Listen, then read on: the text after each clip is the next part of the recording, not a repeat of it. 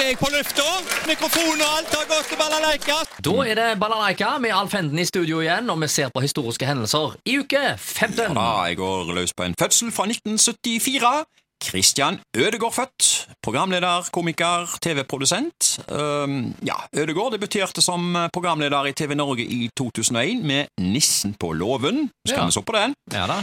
De senere årene har vi sett han mye på TV 2 i samarbeid med Dag Otto Lauritzen på programmer som eh, På jul med Dag Otto, Huskestue og ikke minst Kompani Lauritzen. Det siste er jo blitt enormt populært. Ja, altså De to er jo blitt et radarpar. Ja, de er så. Og jeg ser jo han stiller opp i alt mulig. eh, Ja. Han, eh, Ja, ja, ja.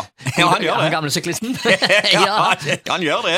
Byr mye på seg sjøl, for å si det sånn. ja, ja, ja. Og så går han godt i lag med, med Kristian Ødegaard. Absolutt. Jeg må jo, I forbindelse med Kristian Ødegaard, det nærmer seg jo påske, så må jeg bare nevne en parodi han hadde på uh, Roald Øyen med påskenøttene. Det var, Ja, ja, det var snakk om å ta det på kornet. Ja, ja. Ja.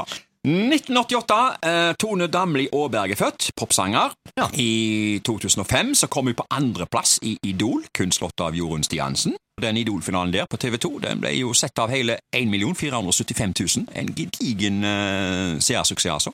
Eh, apropos andreplasser. Uh, Tone Damli ble jo nummer to i Melodi Grand Prix-finalen i 2009 med låten Butterflies. Da ble hun slått av Alexander Rybak med sin Fairytale. Det er ikke noe skam det å bli slått av Jorunn Stiransen og Alexander Rybak. Bli nummer to bak deg. Det er ikke noe skam, det. Ingen skam å snu. Nei. Eller grav deg ned i tida. da. Ja, ja, ja, det er mye der. Fjellvettreglene, ja. Ja. Uh, Trond Damli hun har uh, debutert debuterte eh, med mm, album i 2005 med Bliss. Det ble en stor suksess. Født altså i 1988. Og Så skal vi se på hendelser internasjonalt. 1861. Den amerikanske borgerkrigen begynner når sørstatene angriper Fort Sumter. Og Så skal vi eh, gjøre et sprang på nøyaktig 100 år, til 1961. Sovjetiske Juri Gagarin i romkapselen Vostok 1 gjennomfører ett jordomløp, og han blir det første mennesket i verdensrommet. Vi skal se på lokale hendelser, og da begynner vi med kino i 1984. På Edda der gikk filmen, og det var, den var store, Tid for ømhet. En film med Shirley MacLaine, Deborah Winger og Jack Nicholson i hovedroller, og den fikk fem Oscars. Den gikk for ungdom. Eh, Aldersgrense ungdom. Og så gikk filmen eh, Breaking Away, det var en barnefilm, eh, som fikk eh, terningkast seks i VG, faktisk.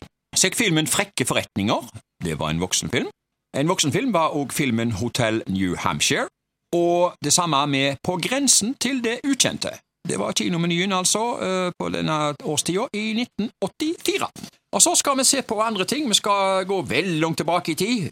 Og da er det jo eh, Kim Kakor-bøkene til Tor Inge Vormedal gode å ty til. Vi skal til 1905. Å ja. Lasaroner og svensker. Oh, ja, se det.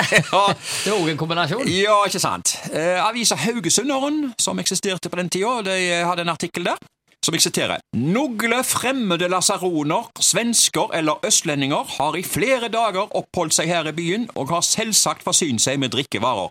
I går aftes var en krøtterhandler her i byen kommet sammen med dem, og av en eller annen grunn oppsto der uenighet så det kom til slagsmål. Herunder fikk krøtterhandleren et knivstikk i ansiktet. Det var et nokså stort slagsmål, og flere av de fremmede personene ble arrestert, skrev altså avisa Haugesunderen, og det var altså i 1905. Ja. Og både lasaroner, svensker og østlendinger hadde lave status her i byen. Det er det, ja. Eh, ja, ja. eh, eh, og interessant nok, 1905 det var jo det året hvor Norge løsrev seg fra Sverige, så vi får håpe at svensken fikk seg en skikkelig på tygga av han krøtterhandleren vår der. Ja, ja, ja. ja. Han ble sendt hjem igjen. Ble et team igjen. Ja, ja. Eh, vi går videre til 1930. Ekstase for Herman Wildenvey. Den er litt spesiell her. Ok.